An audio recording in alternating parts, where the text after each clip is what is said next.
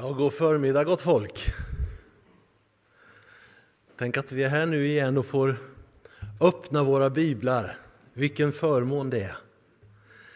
Det är den största förmån man kan tänka sig att få öppna Guds ord. För Guds ord är alltid huvudattraktionen i våra gudstjänster. Och huvudpersonen är såklart Jesus. Den kombinationen är också dagens kombination. Så jag säger som jag brukar, räck ut din hand lite grann och sträck dig efter den närmaste bibel du har där du sitter hemma eller här i kyrkan och öppna den och följ med där vi bläddrar oss igenom ett antal bibelord på temat Jesus såklart. Eller kanske snarare annorlunda uttryckt eh, på, som en följd av en fråga som ligger i luften efter julens firande. Vad var det som hände egentligen? Vad var det som hände egentligen? Det är vår fråga idag. Den kan ju tyckas vara fullständigt självklar, men det är den inte. Födelsen som vi har eh, tänkt på och läst om under julen, den ägde ju faktiskt rum i skymundan, undanskuffat i en miljö som ytterst få kunde ha tillträde till och kunde se obemärkt och undan, undanskymt på något sätt. Och så, och så gick det 30 år. Och under de 30 åren, som ju är rätt tysta kan man säga runt Jesus, så, så det är klart det fanns folk som kom ihåg vad som hade hänt. Det var herdar, det, det var släktingar och vänner förstås i Betlehem. Och inte minst, det var föräldrar och familjer till de barn som en tid efter den här födelsen blev avrättade i trakten av Herodes. Sådana minnen dröjer kvar. Kanske också minnet för några av märkliga mäktiga män ifrån Östern som kom för att hylla en nyfödd kung. Ja, nog fanns minnena kvar bland släkt och vänner och andra berörda. Men på det hela taget, tänker jag, under de där 30 åren så var nog mycket i glömska. Och så dyker Jesus från Nasaret upp i trakten av Judeen, nere vid Jordan. Och då sägs ifrån den himmelska höjden om honom, detta är min älskade son, han som är min utvalde. Va? Vad är det som har hänt egentligen? Vem är han?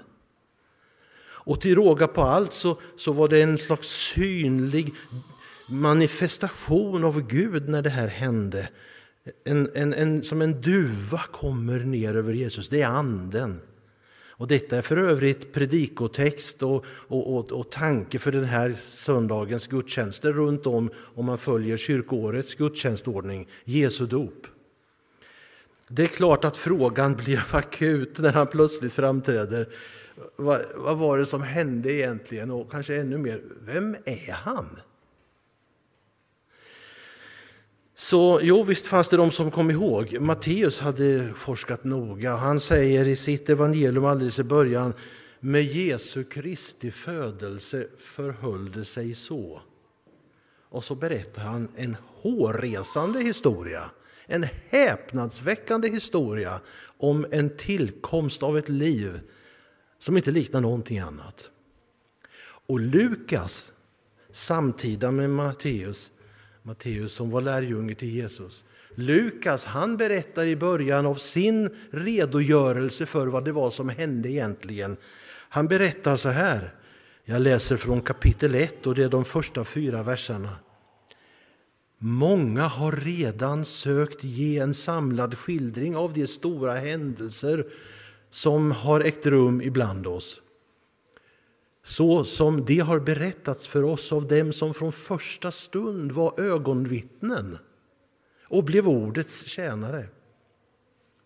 Och efter att grundligt ha satt mig in i allt ända från början har nu också jag beslutat att i rätt ordning skriva ner det för dig, högt ärade Teofilos, för att du ska förstå att de upplysningar du har fått är tillförlitliga. Lukas gick grundligt tillväga för att svara på frågan vad, är, vad var det egentligen som hände? Och vem var han egentligen? Lite senare, ja, då, när, när det här skrevs, så hade det ju gått ett flertal decennier. Först de 30 åren då Jesus inte var på scenen och sen ytterligare ett par decennier innan den här texten fanns tillgänglig som Matteus eller Lukas skrev. Och ytterligare ett par decennier senare så skrev Johannes sin text som svarar rakt igenom på frågan Vem är Jesus egentligen? Och Johannes berättar för oss och förklarar alldeles i början av sitt evangelium i kapitel 1, versar som faktiskt har lästs från den här talarstolen, predikstolen, ett flertal gånger under hösten som har gått. I början på Johannes evangeliet där Johannes skriver Nåden och sanningen, vers 17 och 18 i kapitel 1. Nåden och sanningen har kommit genom Jesus Kristus. Ingen har någonsin sett Gud. Den enda sonen, själv Gud och i Faderns famn, han har gjort honom känd. Den här formuleringen har jag hämtat ifrån folkbibelns översättning som ligger väldigt nära den grekiska texten, nämligen detta med att vara i Faderns famn. Han har gjort honom känd.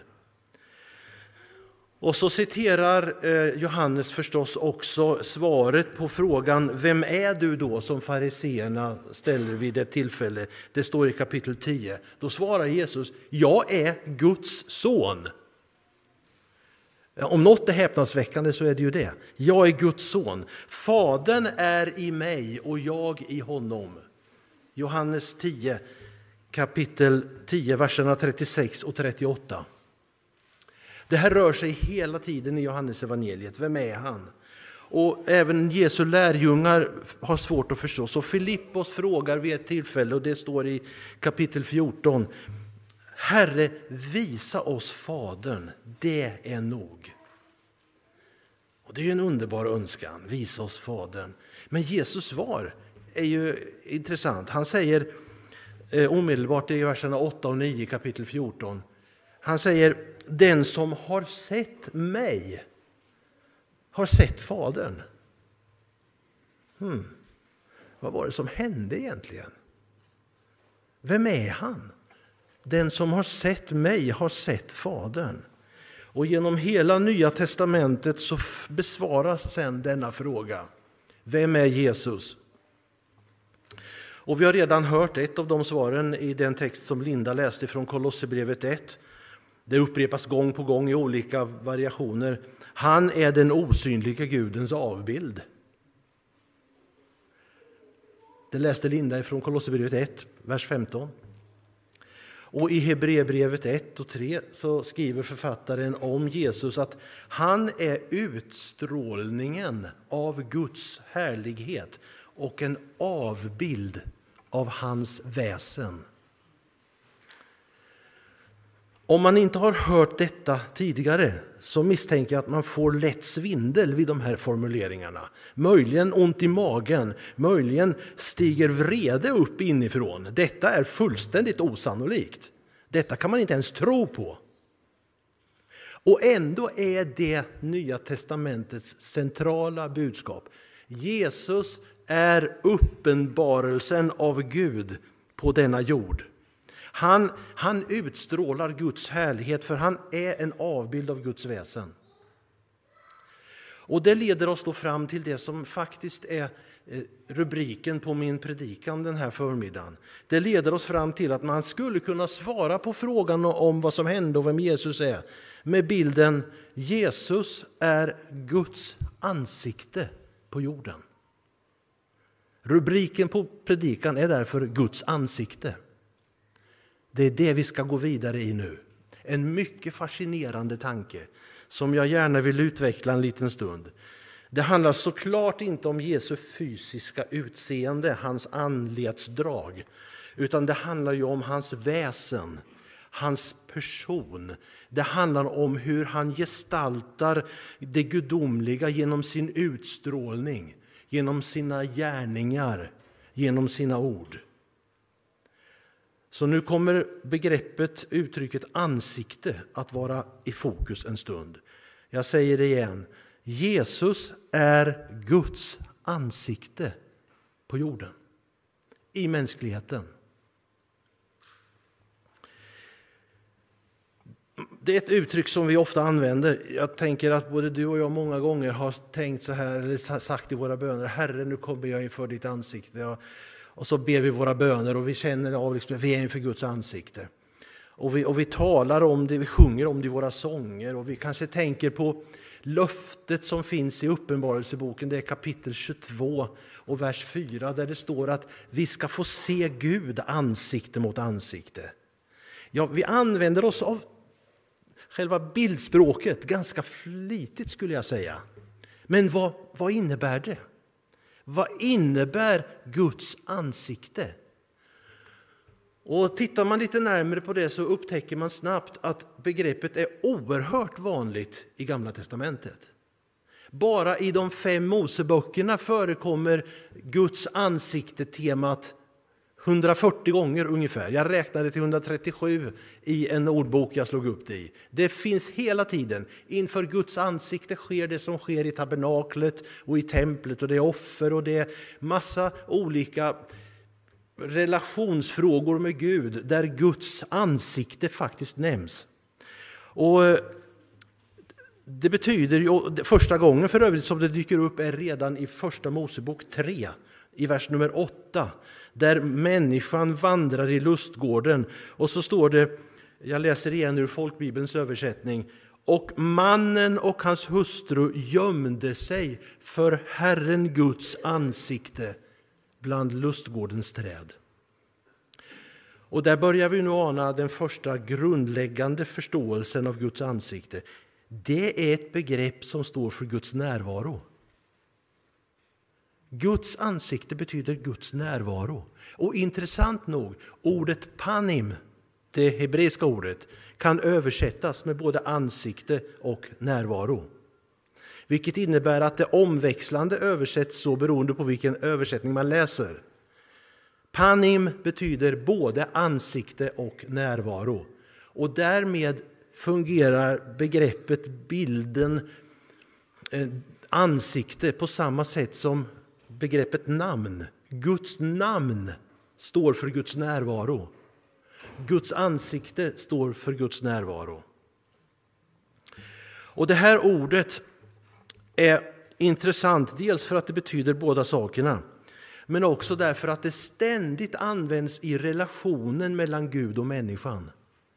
Guds ansikte, när det nämns i Bibeln, i Gamla testamentet representerar Guds närvaro och Guds, Guds eh, relation med, Guds när, med, Gud, med, med människan. Gud är närvarande i sin skapelse.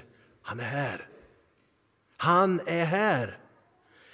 Och Det betyder att närvaron då också står för att hans ansikte är vänt till, inte från.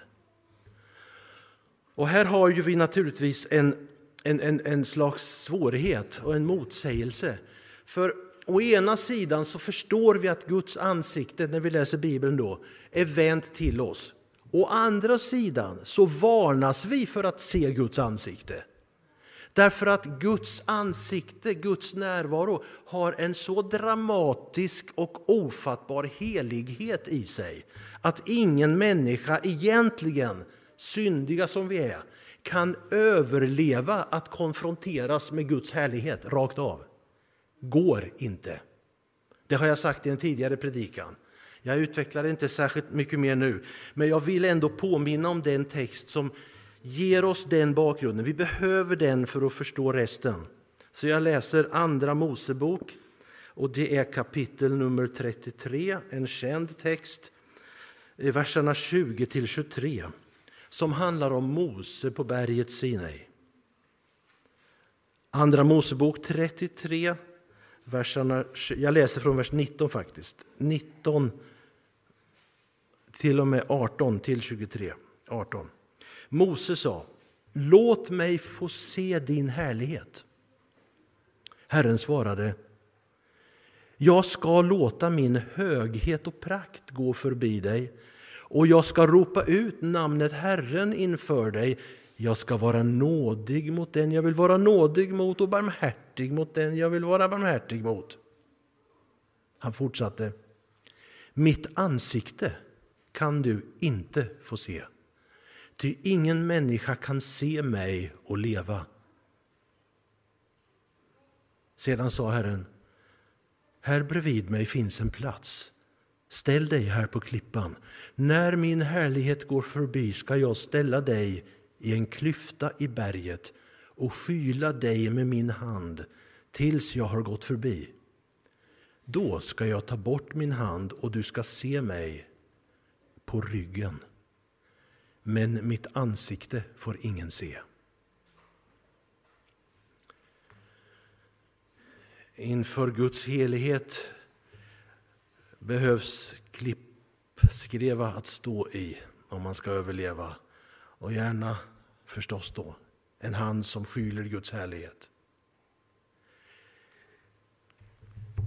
Det finns flera situationer och texter som visar på just det här att Guds härlighet är av den karaktären att ingen människa kan överleva i dess närhet så som vi är i det läge vi är som syndiga människor. Men eh, det finns mer om detta. Jag återkommer till den här saken alldeles strax. Men det intressanta också med det här substantivet panim, ansikte, det är att det tillhör en liten, liten grupp av hebreiska substantiv som är singulära i sin användning, alltså ental, men som i sin grammatiska form har plural. Ansikte är ett ord som har en grammatisk plural, pluralform, mångform, men används singulärt. Hur ska man förstå det?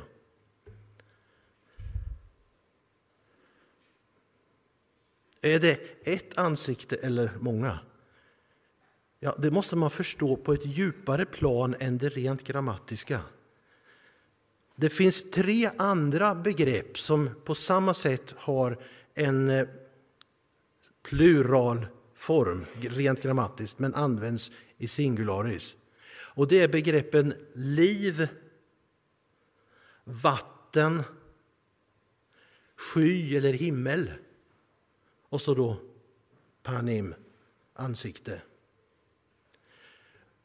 De fyra, plus ytterligare ett som jag strax nämner, de fyra är alltså speciella och unika grammatiskt sett också i både i semitiska och icke-semitiska språk. De har alltså två former, en använd form som är singular och en grammatisk form som är plural. Vad har, kan man fråga sig då, dessa fyra begrepp gemensamt? Jo, det de har gemensamt är att de alla är mångfaldsbegrepp, mångfaldssubstantiv som aldrig är fast i en och samma form. Det innebär att de är dynamiska och ständigt förändras. Tänk dig liv.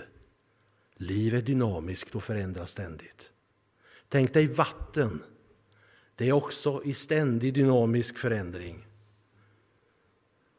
Tänk dig himlen, skyn. Den förändras med form och färg hela tiden. Och så ansikte.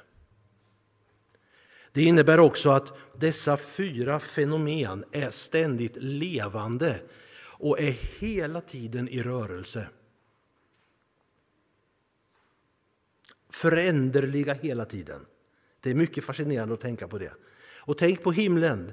Tänk hur ofta vi tittar upp på skyn. Och, det ord som det handlar om här som, som, eh, som beskriver detta eh, betyder, alltså hänvisar både till den fysiska skyn, himlen, universum och till Guds boning. Även skyn är ständigt i rörelse. Och Det betyder också att dessa begrepp är oerhört informationsrika. Vi kan ta ansiktet först. Titta på någon bredvid dig. Bara vänd dig om och titta på ett ansikte. Så ser du vad uttrycksfullt det är och vad, vad det kan varieras. Och tänk ett ögonblick, jag ser hur ni ler och förundras när ni tittar på varandra. Tänk hur oerhört mycket information som finns i ett ansikte. Och tänk på hur det, hur det förändras hela tiden, vad rikt det är.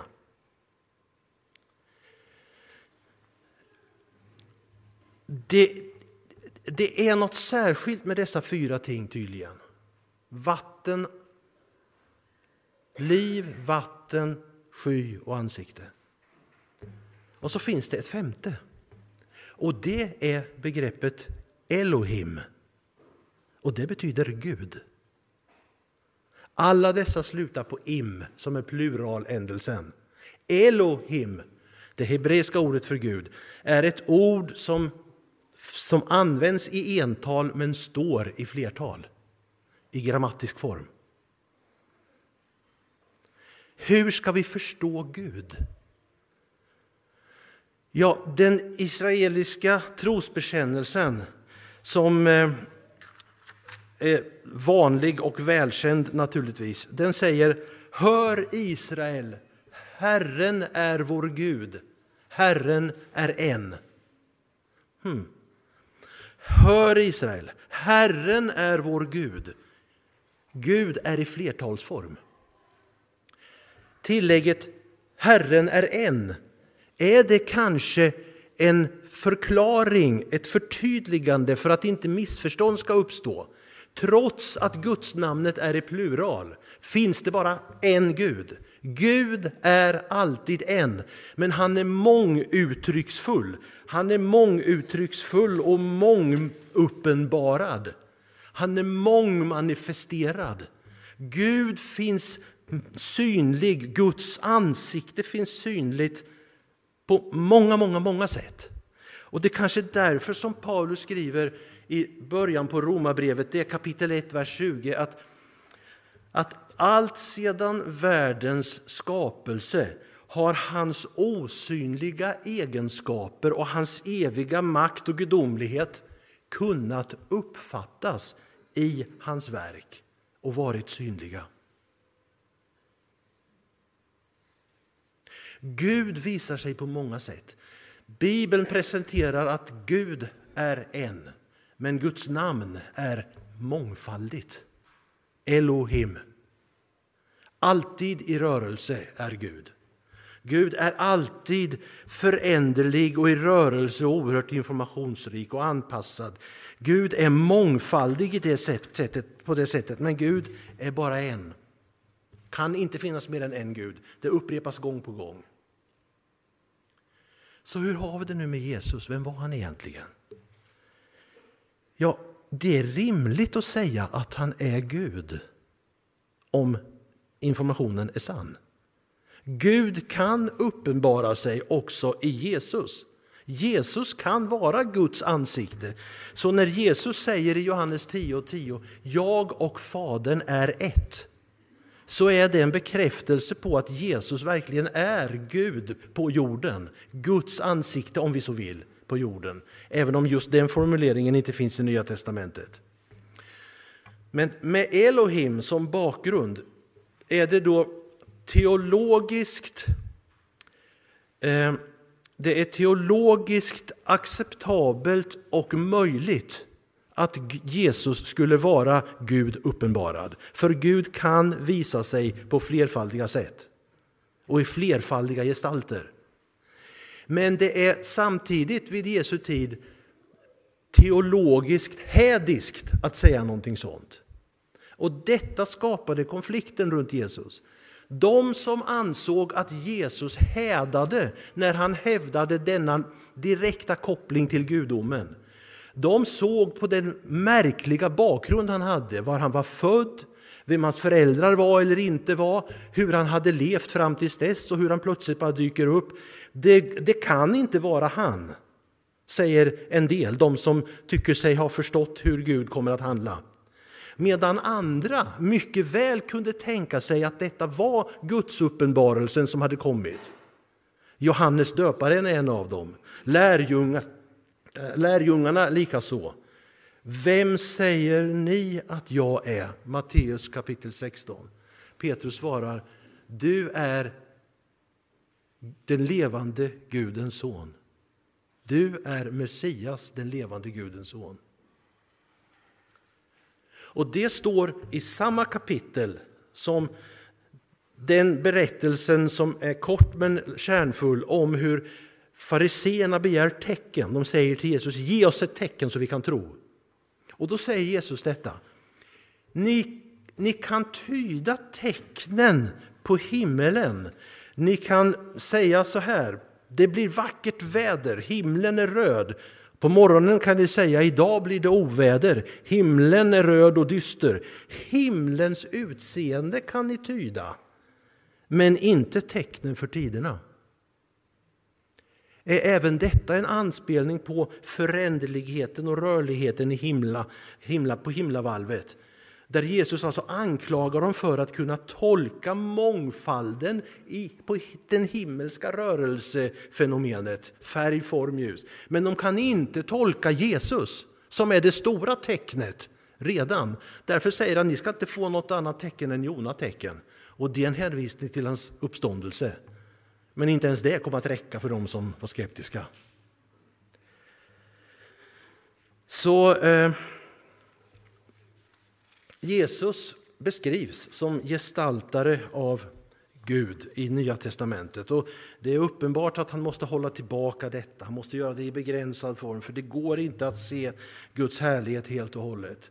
Vi minns kanske berättelsen om hur Jesus förvandlas inför lärjungarna på berget, som antagligen är Tabor, när hans härlighet strålar igenom på ett sådant sätt att de faller ner på marken och vet inte vart de ska ta vägen. Petrus, Jakob och Johannes. Eh, det är i det 17 kapitlet i Matteus intressanta berättelse. Jag citerade just ur Matteus 16. I Matteus 17 så står det så här när de tre lärjungarna är med Jesus, vers nummer 2. Där förvandlades han inför dem, hans ansikte lyste som solen och hans kläder blev vita som ljuset. Och de faller ner på marken. Där under en sekvens, en kort sekvens i Jesu liv, bryter det en härlighet igenom som ingen människa kan uthärda. Och där manifesteras återigen med samma budskap vem Jesus är. För det kommer en röst som säger eh, Detta är min älskade son, han är min utvalde, lyssna till honom. Så Gud vänder sitt ansikte till människan. Han vänder inte sitt ansikte bort från människan. Han är tillvänd. Eh, han är tillvänd om än med, med, med någon slags begränsande funktion. Det är klart människor vänder sig bort från Gud, men Gud vänder sig aldrig bort från människan. Och Det här är en fråga som jag tycker är viktig att vi ska ha med oss. Vad som än händer i våra liv kommer Guds ansikte aldrig att vändas bort från oss. Vi kan tycka att det är så ibland. Det finns exempel på det i Bibeln och såklart i våra egna liv. Ett exempel är David som, som skriver i psalm 13 en, som en fråga, som ett klagomål eller hur man ska uttrycka det. I versen 2. Hur länge ska du glömma mig, Herre? Hur länge ska du dölja ditt ansikte? Har du ställt den frågan någon gång? Jag tror vi har det allihopa. Var är du, Herre? Har du glömt mig? Jag ser dig inte. Jag ser inte ditt ansikte. Det är en högst naturlig och begriplig reaktion i nödens stund. För vi fördunklas i mänsklighetens ja, belägenhet, så vi ser ju inte Gud alltid. Men Gud har inte vänt sitt ansikte ifrån oss. Eh, David säger ett par verser senare, när han vänder denna ångestladdade fråga till något positivt, då säger han Jag litar på din godhet. Det är vers nummer 6. Salmen är alltså 13. Mitt hjärta ska jubla över din hjälp. Har du nöd i ditt hjärta idag? Har du bekymmer som tynger dig? Känner du inte av Guds närhet? Ja, då skulle jag vilja säga med Bibeln som grund, Gud är nära dig. Gud har sitt ansikte vänt till dig och en dag ska du återigen få jubla över Guds hjälp. Det finns gott om exempel på hur Gud vänder sitt ansikte till människor. Och Det tydligaste exemplet skulle jag säga är den aronitiska prästerliga välsignelsen som finns beskriven eller formulerad väldigt tydligt i fjärde Mosebok kapitel 6. Den är också värd att notera i sammanhanget idag. Fjärde Mosebok kapitel 6 där jag då läser ifrån vers 22 eh, och några verser framåt. Mose igen. Herren talade till Mose. Säg till Aron och hans söner, med dessa ord ska ni välsigna Israels folk. Herren välsignar dig och beskyddar dig. Herren låter sitt ansikte lysa mot dig och visar dig sin nåd. Herren vänder sitt ansikte till dig och ger dig sin fred. Här finns en märklighet också som är värd att nämna. Välsignar står i en verbform som inte längre existerar i vårt språk och som har funnits för länge sedan. Den kallas optativ form. Den påminner om den moderna konjunktivformen. Det är en form som uttrycker önskan och längtan.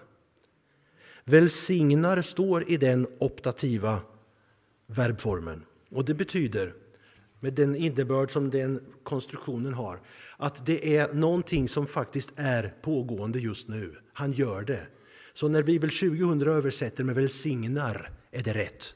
Han gör verkligen det. Men det är också en längtan, en förhoppning inbakad i det. Må det ske så. Må Herren välsigna i fortsättningen. Herren välsigne dig och bevare dig, säger vi med gammalt språk när vi uttalar detta. Och Då är det mera betoning på längtan efter att det ska ske. Men egentligen är det alltså så att detta är en proklamation av någonting som har pågått alltid, pågår nu och kommer att pågå i framtiden med Herrens välsignelse över våra liv. Vi kan räkna med det hela tiden. Och då är det två aspekter som lyfts fram i den texten särskilt när det gäller Guds ansikte och välsignandet. Och den första är att Guds ansikte lyser mot oss och därmed eh, uttrycker det hans nåd. Tänk dig solen som lyser, tänk dig lamporna som lyser. Det är ett sken som, som, som verkligen överskyler oss. Guds nåd är som solen som lyser över oss. Är där hela tiden, upphör aldrig, har inte varit borta, kommer inte att vara borta. Så är det med Guds nåd, där Guds ansikte lyser över oss. Och Det andra är att Guds ansikte som är vänt till förmedlar hans frid. Tillvändheten är fridsförmedlaruttrycket. Guds ansikte i välsignelselängtan och välsignelseproklamationen innebär alltså Guds ständiga nåd över Guds folk och Guds ständiga fridförmedlande till Guds folk. Dessa två tankar, nåd och frid, är sedan bärande genom hela Nya testamentet. För de gestaltar Gud. Nåden och friden som kommer ur Guds närvaron gestaltar Gud. Och Paulus verkar vara så förtjust i detta uttryckssätt så att i alla 13 bevarade brev av Paulus i Nya testamentet finns denna formulering, mer eller mindre intakt, något förändrad bara. Nåd och frid från Gud, vår Fader och Herren Jesus Kristus. Nåd och frid från Gud, vår Fader och Herren Jesus Kristus. Nåden och friden, ja, Paulus gillar det jättemycket och han har fattat det här. Och kanske är det så att han kopplar det till den här den här aronitiska välsignelsen också. För han säger ju nåd från Gud och nåd från Jesus Kristus. Frid från Gud, Fadern, och frid från Jesus Kristus.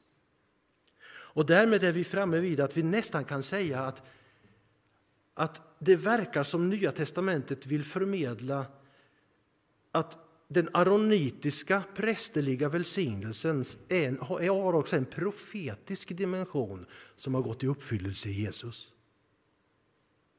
Vad var det som hände egentligen?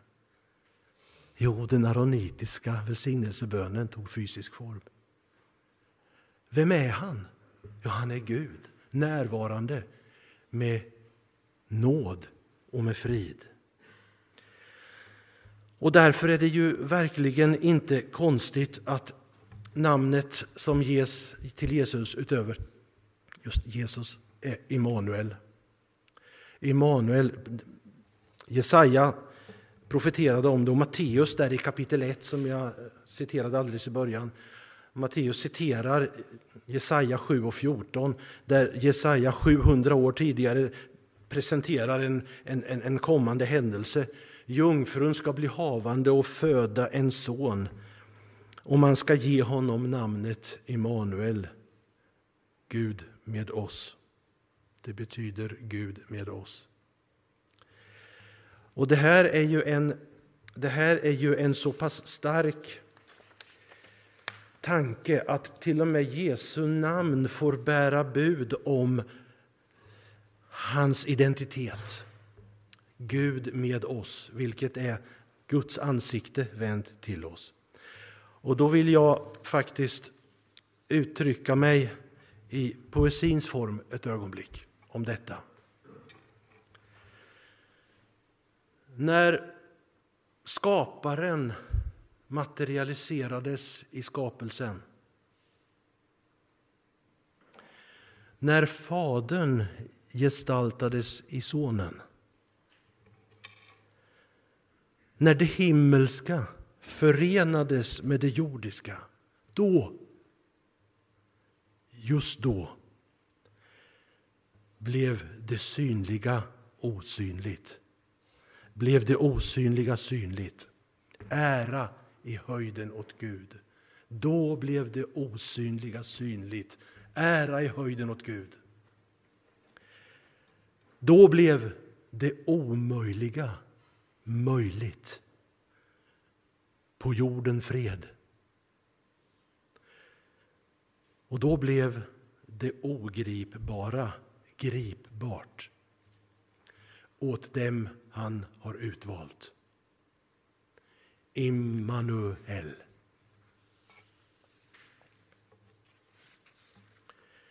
Så vad är då svaret på frågorna? Eller svaren? Ja, det svar jag har velat ge den här förmiddagen det är Jesus är Guds ansikte på jorden. Han visar Guds karaktär, personlighet, identitet. Han, han förklarar för oss vem Gud är. Vi lär helt enkelt känna Gud genom Jesus och förstår vem Gud är. Och då blir frågan, längtar du efter att lära känna Gud bättre? Längtar du efter att förstå mer vem Gud är?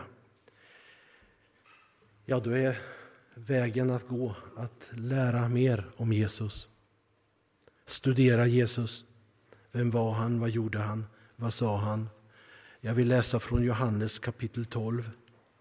Och Det är verserna 44, 45 och 46.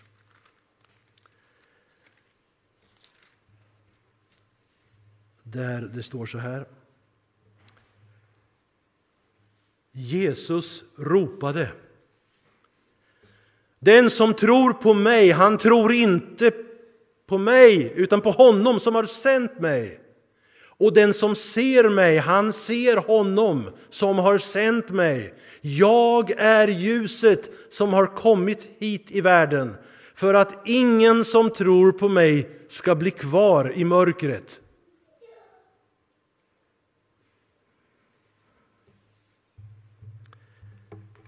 Studera Jesus om du vill lära känna Gud.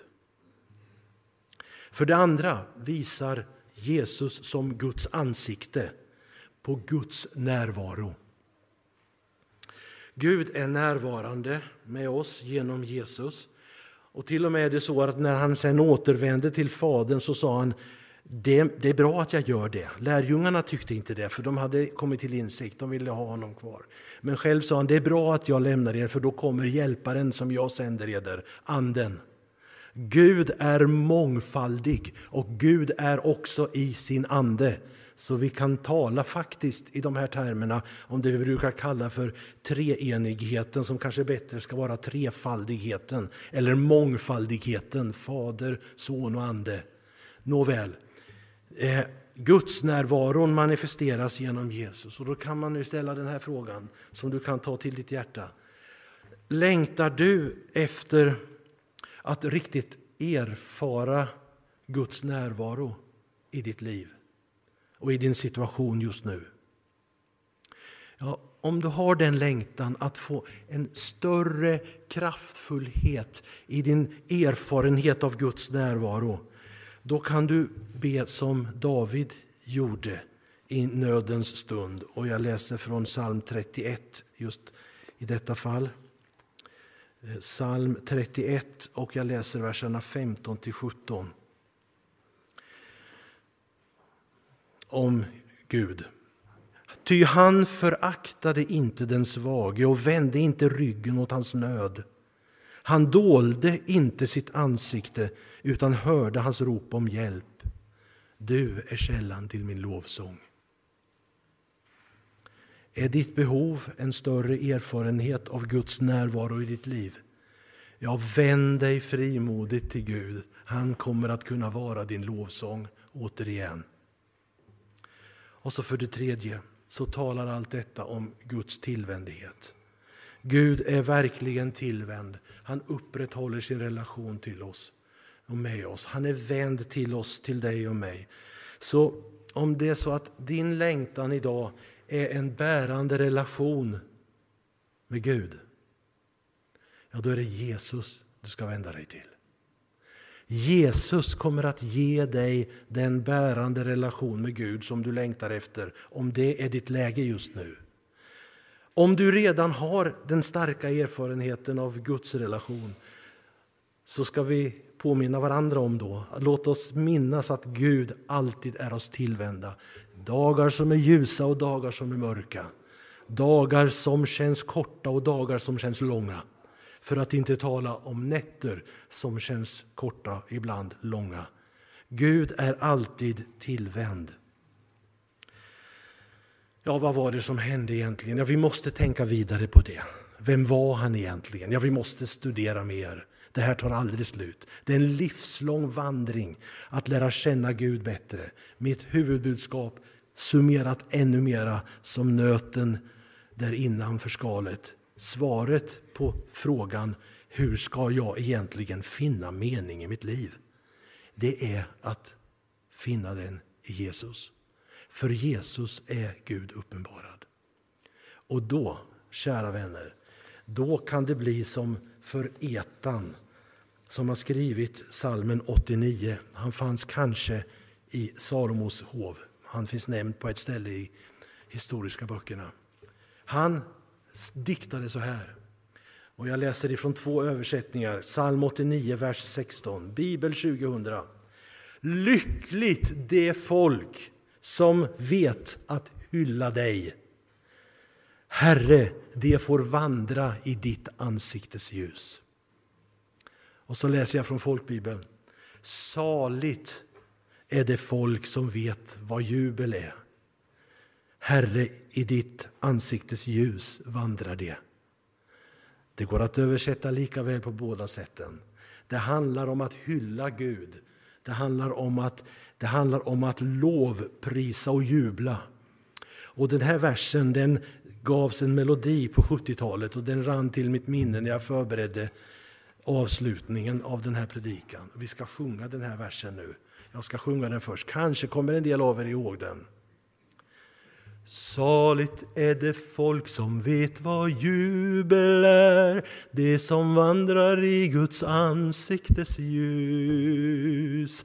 Saligt är det folk som vet vad jubel är, det som vandrar i Guds ansiktes ljus. I Guds ansiktes ljus, i Guds ansiktes ljus. Saligt är det folk som vet vad jubel är, det som vandrar i Guds ansiktes ljus. Våga och sjung med nu.